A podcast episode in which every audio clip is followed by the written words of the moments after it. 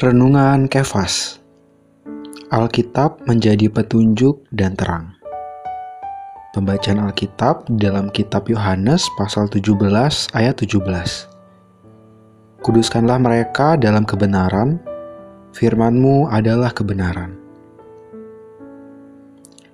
Supaya kita kudus, Allah tidak saja di dalam kita memberi satu hayat, di luar kita juga memberi satu Alkitab.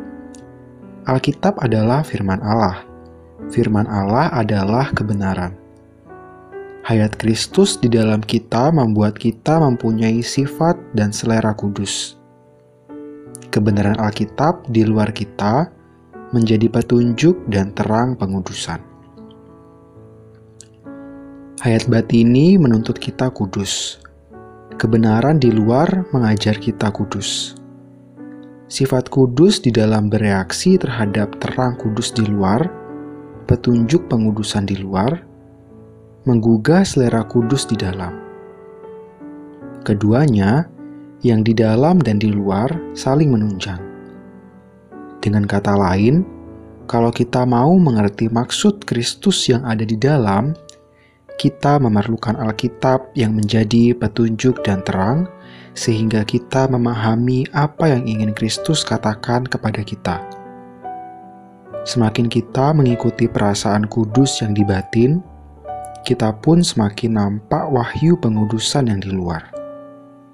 Semakin kita membaca Alkitab yang di luar, hayat batini kita semakin kuat. Sobat Kefas, Agar kita dapat menempuh hidup yang kudus, kita memerlukan Kristus yang ada di dalam kita dan memerlukan Alkitab yang di luar. Karena itu, marilah kita lebih lagi menaruh perhatian terhadap apa yang tertulis di dalam Alkitab. Kalau kita sering membaca Alkitab, maka kebenaran yang di dalamnya akan memberi terang, supaya kita nampak apa yang sesuai dengan sifat kudus Allah, apa yang berlawanan dengan sifat kudus Allah. Dengan demikian, kita dan tindak tanduk kita terpisah dari orang dunia, menjadi kudus sesuai dengan sifat kudus yang di dalam kita. Terang hari ini, yang pertama, bagaimana pembacaan Alkitabmu hari-hari ini sudah rutin atau masih bolong-bolong? Yang kedua, adakah pembacaan Alkitabmu membuatmu mengerti isi hati Allah?